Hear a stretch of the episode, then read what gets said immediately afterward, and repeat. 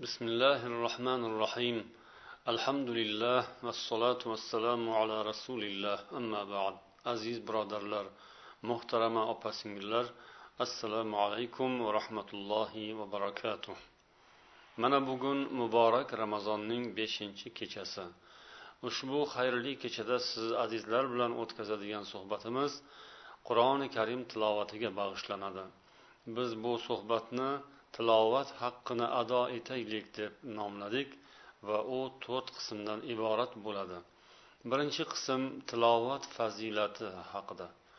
Ikkinchi qism salaflarimiz qur'onni qanday tilovat qilganlar? Uchinchi qism tilovat deganda nimani tushunamiz? To'rtinchi qism qur'on o'qimaslikning oqibati. Birinchi qism tilovat fazilati. Aziz birodarlar dunyo va oxiratimiz baxti qur'oni karimga bog'liq ekan. Bizning bu kitob huzuridagi eng birinchi vazifamiz uni chiroyli va ko'p tilovat qilishdan boshlanishi lozim. Bu narsa bizning qur'onga mukammal amal qilishimiz uchun keng yo'l ochadi. Qur'oni karimda va hadislarda tilovat haqida juda ko'p targ'ibotlar kelgan. Alloh taolo marhamat qiladi أعوذ بالله من الشيطان الرجيم. إن الذين يتلون كتاب الله وأقاموا الصلاة وأنفقوا مما رزقناهم وأنفقوا مما رزقناهم سرا وعلانية لن تبور. ليوفيهم أجورهم ويزيدهم من فضله. إنه غفور شكور. Shubhasiz allohning kitobini tilovat qiladigan namozni qoyim etadigan biz rizq qilib bergan narsalardan yashirunu oshkor ehson qiladigan zotlar aslo kasodga uchramaydigan tijoratni umid eturlar. Bu amallar alloh ularning ajrlarini mukammal ato etishi va o'zining fazlidan yanada ziyoda aylashi uchundir. Albatta u ko'p mag'firat qiluvchi yaxshilikni nihoyatda qadrlovchi zotdir. Fotir surasi yigirma to'qqizinchi o'ttizinchi oyatlar. Jabroil alayhissalom har yili ramazon bo'lganda rasululloh sollallohu alayhi vasallam huzurlariga kelardilar va ikkalalari qur'oni karimni dars qilishardi. Payg'ambarimiz sollallohu alayhi vasallam har ramazonda qur'oni karimni bir marta jabroil alayhissalomga o'tkazib olardilar. Rasululloh sollallohu alayhi vasallam vafot bo'ladigan yillari qur'oni karimni jabroil alayhissalomga ikki marta o'tkazdilar. Bu ushbu muqaddas kitob rasululloh sollallohu alayhi vasallamdan so'ng ummat uchun asosiy dasturul amal bo'lib qolar ekan. Ana shu kitob yana ham mustahkamroq joy olsin uchun qilingan harakat edi. Ya'ni ummatga qoldirilayotgan ushbu kitob juda ham ishonchli va juda ham mustahkam kitob ekani mana shu holatdan ham ma'lum bo'ladi. Salafi solihlarimiz ramazon kelgan paytda qur'oni karimga bo'lgan xizmatlarini yana ham ko'paytirar edilar. Ular qur'oni karimni juda ko'p tilovat qilishardi. Ham namozda ham namozdan tashqarida qur'oni karimga bo'lgan e'tiborlarini kuchaytirib tilovatni juda ham ko'p ko'p ado etishar edi. Zuhriy rahimaulloh ramazon kirgan paytda aytar edilar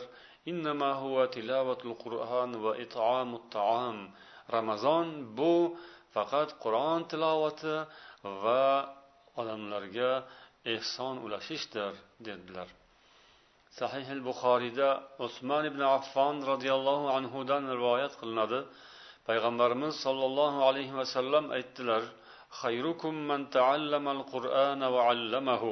sizlarning yaxshilaringiz qur'onni o'rgatgan va boshqalarga o'rgatganlaringizdir.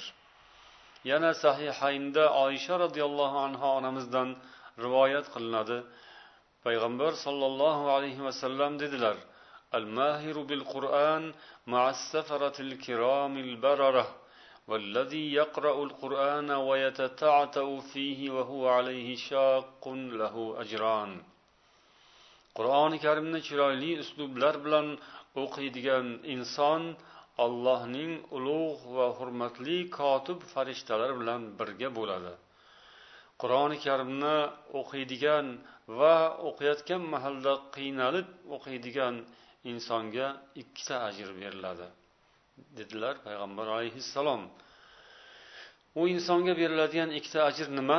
Birinchisi qur'oni karimni tilovat qilgani uchun ajr ya'ni iymon bilan e'tiqod bilan hurmatu ehtirom bilan qur'onni tilovat qilayotgani uchun unga alohida ajr beriladi.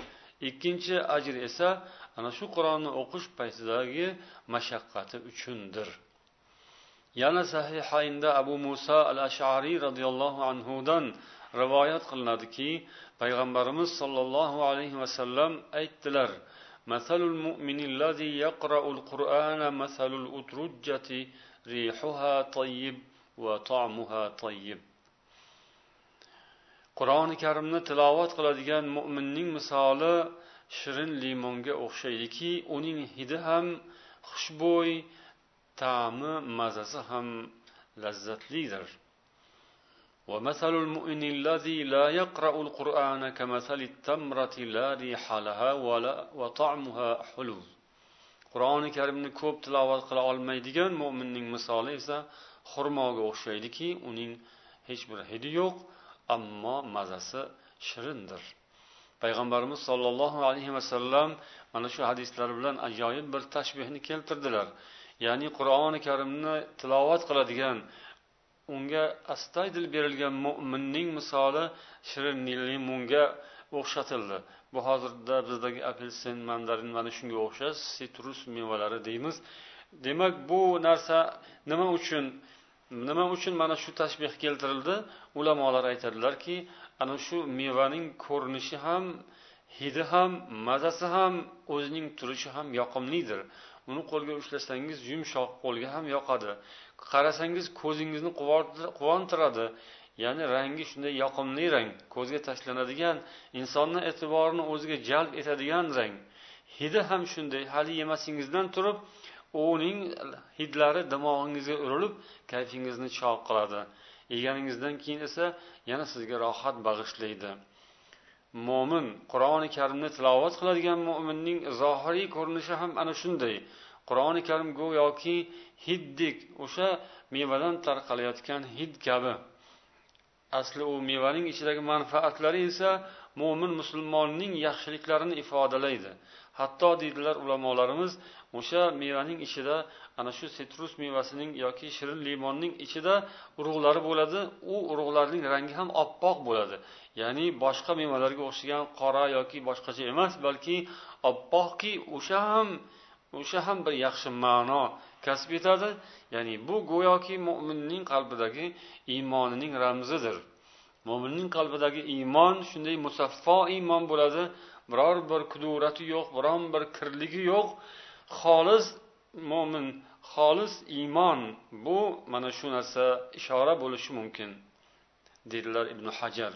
Uning tashqi ko'rinishi uni o'zining shunday bir muloyim ekanligi chiroyli hid taratib turishi esa mo'min musulmonning xulqi atvori ibodatlari xatti harakatlari tashqi ko'rinishi ana shunga tashbih qilinsa arziydi dedilar ammo qur'oni karimni tilovati ko'p tilovat qilmaydigan bu narsaga unchalik ham bu borada unchalik ham mahoratga ega bo'lmagan odamning misoli esa xuddi hidi yo'q ammo mazasi yaxshi bo'lgan xurmoga o'xshaydi.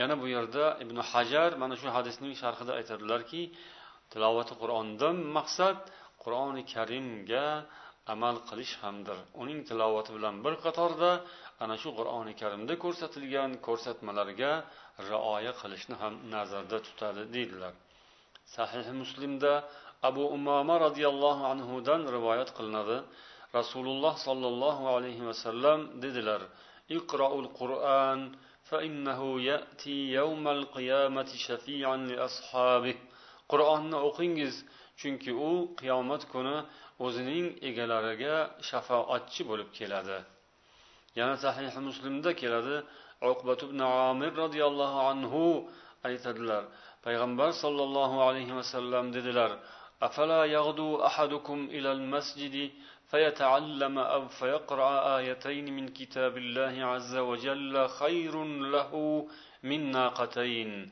وثلاث خير له من ثلاث وأربع خير له من أربع ومن أعدادهن من الإبل sizlarning biringiz masjidga borib u yerda ollohning kitobidan ikki oyat yoki uch oyat ollohning kitobidan ikki oyatni o'qisa yoki o'rgansa bo'lmaydimi ana u narsa unga ikkita tuyadan ko'ra yaxshiroq edi yoki uchta oyat o'rgansa u uchta tuyadan ko'ra afzalroq to'rtta bo'lsa to'rttasidan afzalroq yana qancha bo'lsa o'shanchasidan tuyalardan afzalroq bo'lardi dedilar.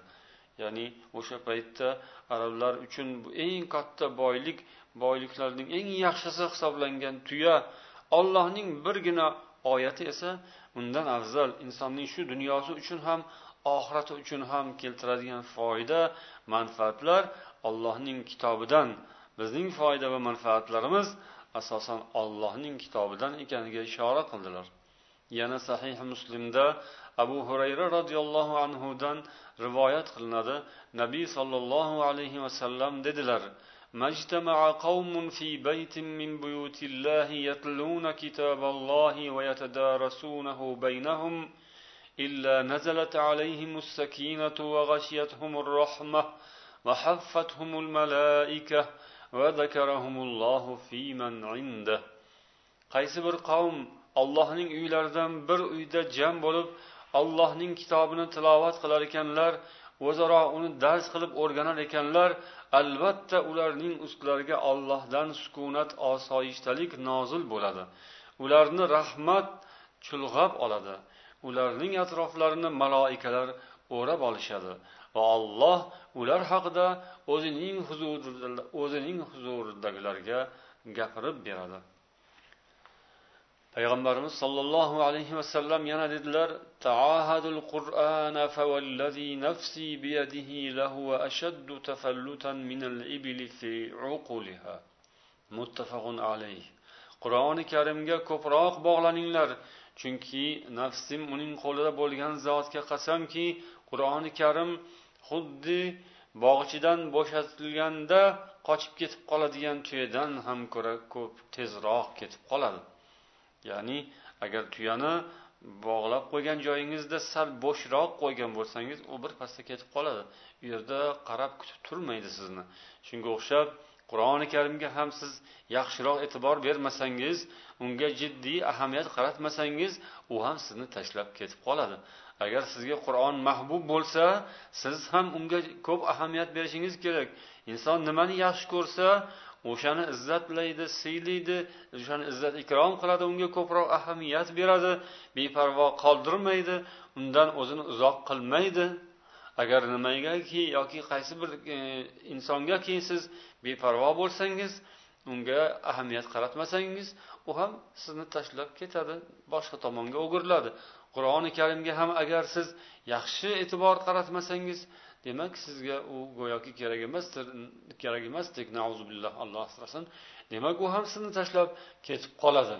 Demak qur'oni karimni yaxshi ko'rgan qur'on uning dunyo va oxiratining baxti ekanini tushungan inson uni doimo o'zi bilan birga qalbida saqlashi kerak.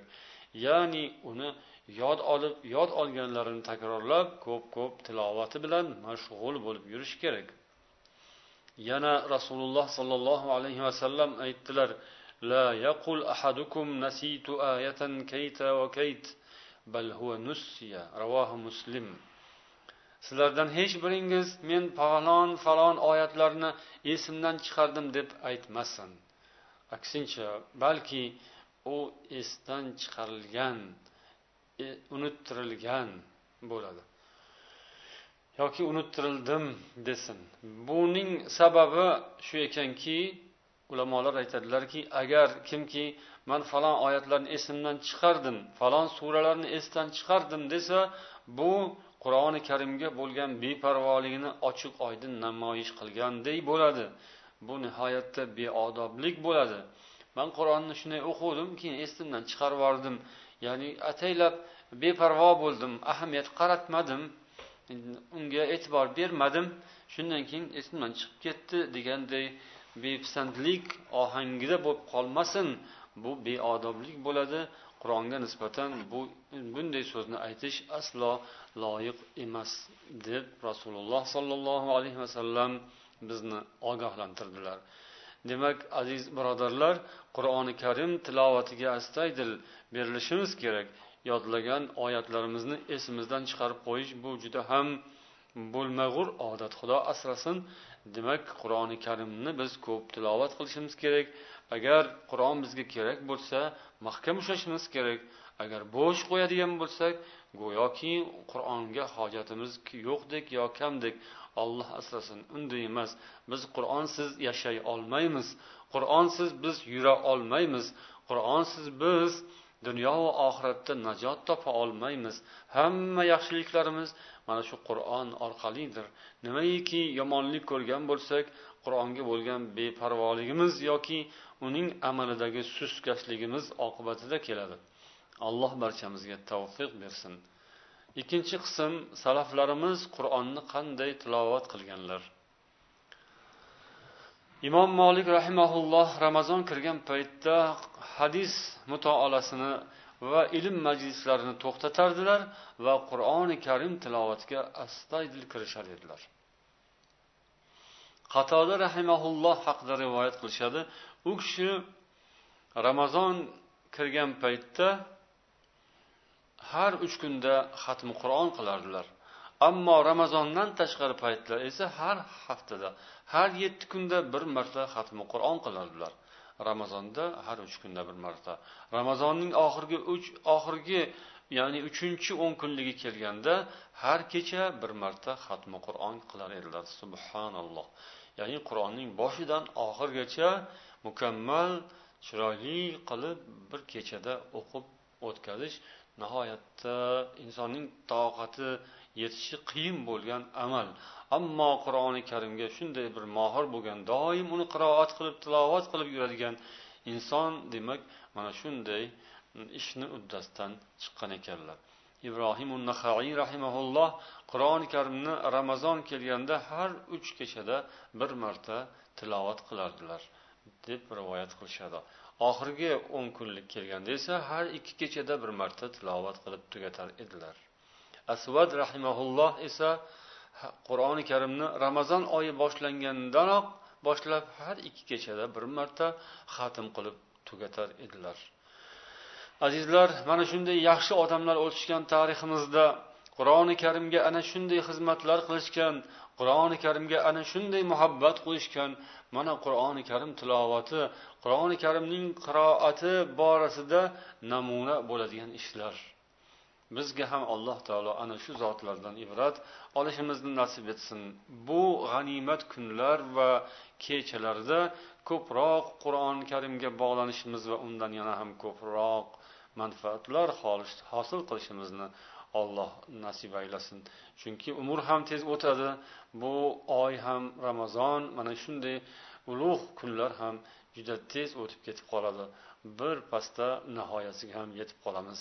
Alloh taoloni rozi qiladigan darajada harakat qilishimiz tilovat qilishimiz bizdan juda ham bir xayrli solih yaxshi amal.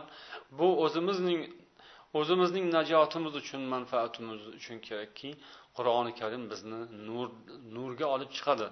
Zulmatlardan gunoh masiyatlar zulmatidan dunyodagi turli xil tashvishlar dunyoga bog'lanib qolishlar mana shu boradagi zulmatlardan alloh taolo bizni yorug'likka yengillikka keng yo'llarga keng ufqlarga alloh taoloning roziligiga olib boradigan yo'lga olib chiqadi. Uchinchi qism tilovat deganda nimani tushunamiz? Allohning kitobining tilovati tilovat deganda ikki xil bo'ladi deydilar ulamolarimiz. Ularning birinchisi hukmiy tilovat ikkinchisi lafziy tilovat. Lafziy tilovat lafzan qur'oni karimni qiroat qilish tilovat qilish o'qish.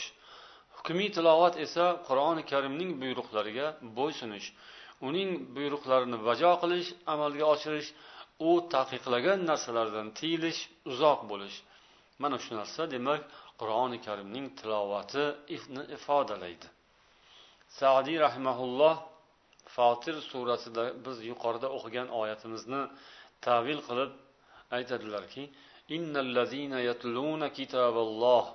ollohning kitobini tilovat qiladigan zotlar degani ollohning shu kitobdagi buyruqlarga bo'ysunadigan uning ko'rsatmalariga ergashadigan zotlar degani allohning qaytariqlaridan to'xtaydigan olloh bergan xabarlarni tasdiqlaydigan qur'oni karimda aytilgan so'zlarning hammasini qabul qiladigan va shu bilan bir qatorda uning tilovatini kanda qilmaydigan undan u qur'oni karimdan foyda oladigan dars qilib o'rganadigan ma'nolarini anglaydigan zotlardir degani deb tavil qiladilar.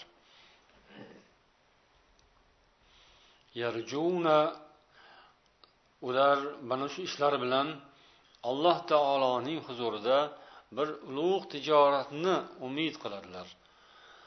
Yarjuna tijaratan lan tabur. Aslo kasodga uchramaydigan tijoratni ular orzu qiladilar. Alloh taolo bu yerda mana shu yuqorida sanalgan xayrli amallarni tijorat deb ta'rifladi. Chunki odamlar tijoratni yaxshi ko'rishadi. Bu dunyoda tijoratchilarning ancha ishlari oldinga ketishi ular ko'p foyda ko'rishlari ko'pchilikka ma'lum narsa. Shuning uchun tijoratchilarga insonlar bir qadar havas bilan qarashadi. Tijoratchilarni ishi yaxshida deb qo'yishadi. Ana shunday tijoratning eng a'losi haqiqiy tijorat haqiqiy foyda manfaat ko'radigan katta boyliklarni qo'lga kiritadigan tijorat mana bu yuqorida aytilgan ishlar. Ya'ni allohning kalomini tilovat qilish uning amru farmonlariga itoat qilish ana u tijorat kim? Undan keladigan foyda va manfaat hech qaysi tijorat bilan topib bo'lmaydi. Ana shunday tijoratni ular orzu qiladilar umid qiladilar deydi alloh taolo. Ya'ni bu allohning roziligi. U beradigan ulkan ajru savoblar allohning azobidan g'azabidan najotga erishish qutulish allohning beradigan mukofotlarga erishish. Mana shunday narsalarni niyat qilinadi.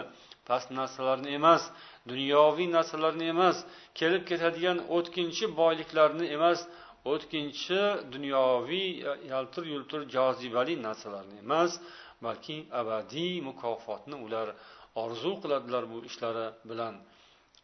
Alloh ularni esa mukofotlaydi. Alloh ularning mukofotlarini mukammal ato qilishi uchun ular mana shunday ishlarni amalga oshiradilar. Innahu g'afurun shakur. Olloh gunohlarni ko'p kechiruvchi zot shakur. Har bir ishni u kichkina bo'lsa ham yaxshi ishlarni qadriga yetuvchi unga yarasha mukofot ato qiluvchi zotdir. Shakur ya'ni shukur qiluvchi yaxshilik qadrini biluvchi olloh ana shunday zotdir. To'rtinchi qism qur'on o'qimaslikning oqibati.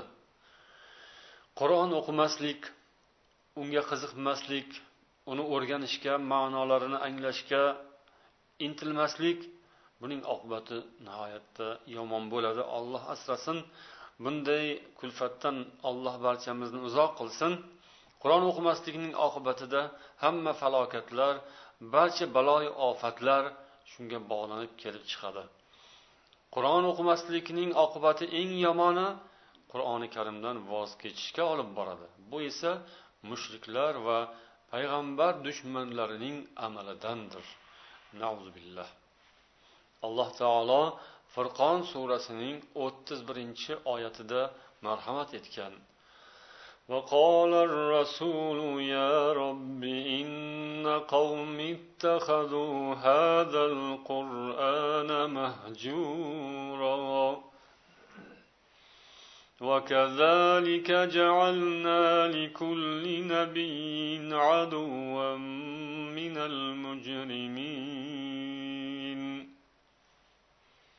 وكذلك جعلنا لكل نبي عدوا من المجرمين.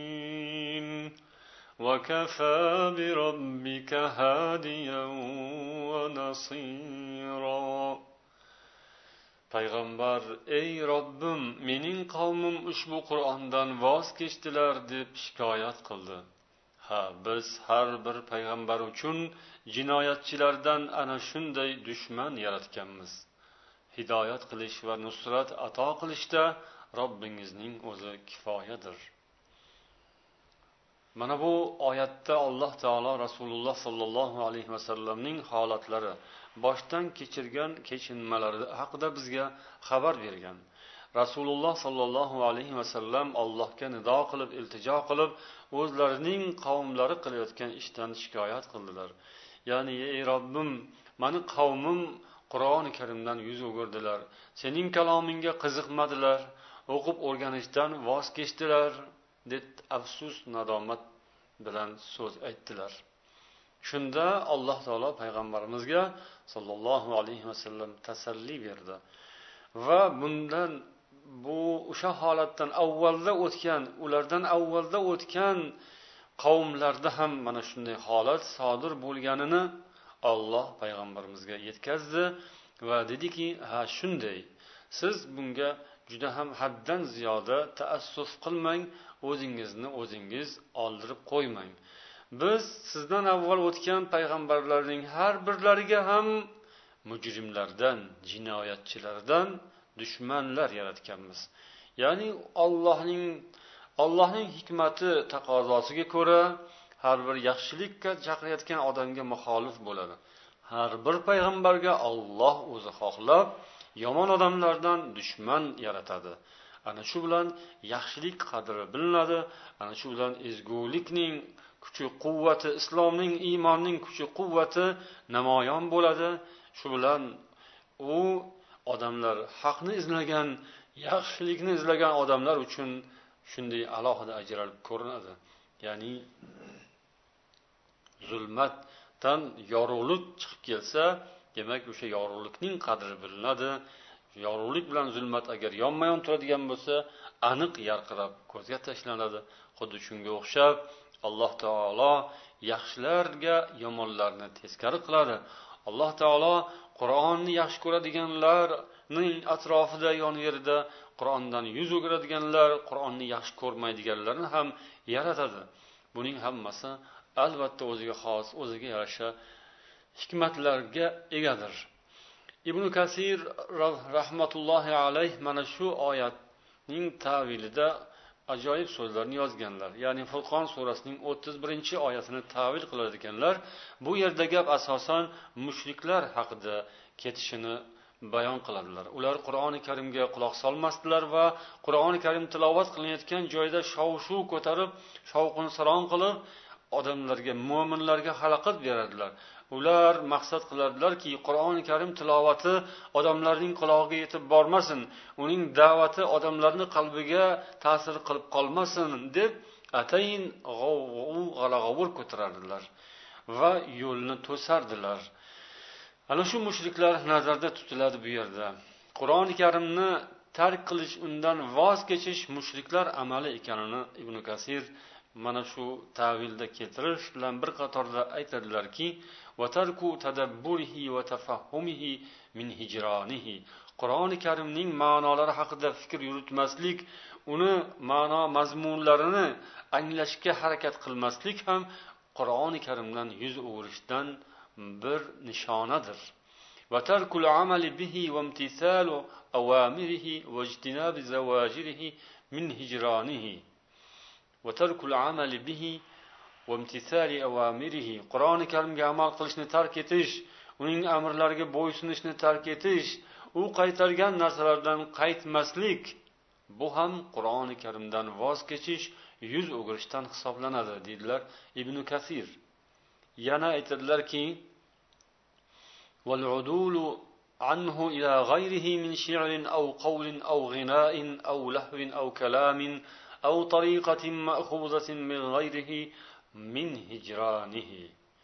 Qur'oni karimni qo'yib undan boshqa narsalarga mashg'ul ovora bo'lib ketish berilib qolish bu ham qur'oni karimdan hajr qilish aloqani uzishdir. Ya'ni u xoh she'r bo'lsin yoki biror bir so'z bo'lsin yoki musiqa bo'lsin yoki bir behuda ish bo'lsin yoki bir so'z bo'lsin odamlarning gapi bo'lsin yoki biror bir yo'l uslub biror bir odat bo'lsin qur'oni karimdan boshqa yerlardan paydo bo'lgan biror bir ishlar odatlar bo'lsin ana o'shalarga berilib ketish qur'oni karimdan voz kechish sanaladi deydilar mm, alloh panoh bersin barchamizga. U kishi ham bu so'zlarning so'ngidan aytadilarki al karim al mannan al qodir ala ma yasha an yukhallisana mimma yusqituhu biz karamli saxovatli zot ollohdan o'zining xohlagan ishini qila oladigan barcha ishga qodir zot ollohdan so'raymizki u bizlarni o'zining g'azabiga sabab bo'lib qoladigan ishlardan xalos qilsin. Ollohdan bizni o'zini rozi qiladigan ishlarga bog'lab qo'yishini so'raymiz. Min hifzi kitabihi va fahmihi. Bunday ishlar ollohni rozi qiladigan ishlar ollohning kitobini yod olish uning ma'nolarini o'qib o'rganish u buyurgan qur'oni karim buyurgan ishlarni kechasi kunduzi bo'lsin doimiy ravishda amalga oshirishga harakat qilish olloh rozi bo'ladigan yo'lda hayot kechirish mana shudir. Innahu karimun vahhab alloh taolo karamli saxovatli zot so'ragan narsangizni beradigan vahhob juda ko'p ko'p beradigan behisob ham qilib ham beraveradigan zot dedilar ibn kasir. U kishining duolari bizning ham duoyimiz alloh barchamizga yaxshilikni o'zi muyassar aylasin qur'oni karimga alloh taolo doimo bizni bog'lab qo'ysin undan aslo uzoqlashtirmasin dunyo va oxiratda qur'oni karim bilan birga bo'lishimizni alloh muvaffaq etsin سبحانك اللهم وبحمدك أشهد أن لا إله إلا أنت أستغفرك وأتوب إليك والسلام عليكم ورحمة الله وبركاته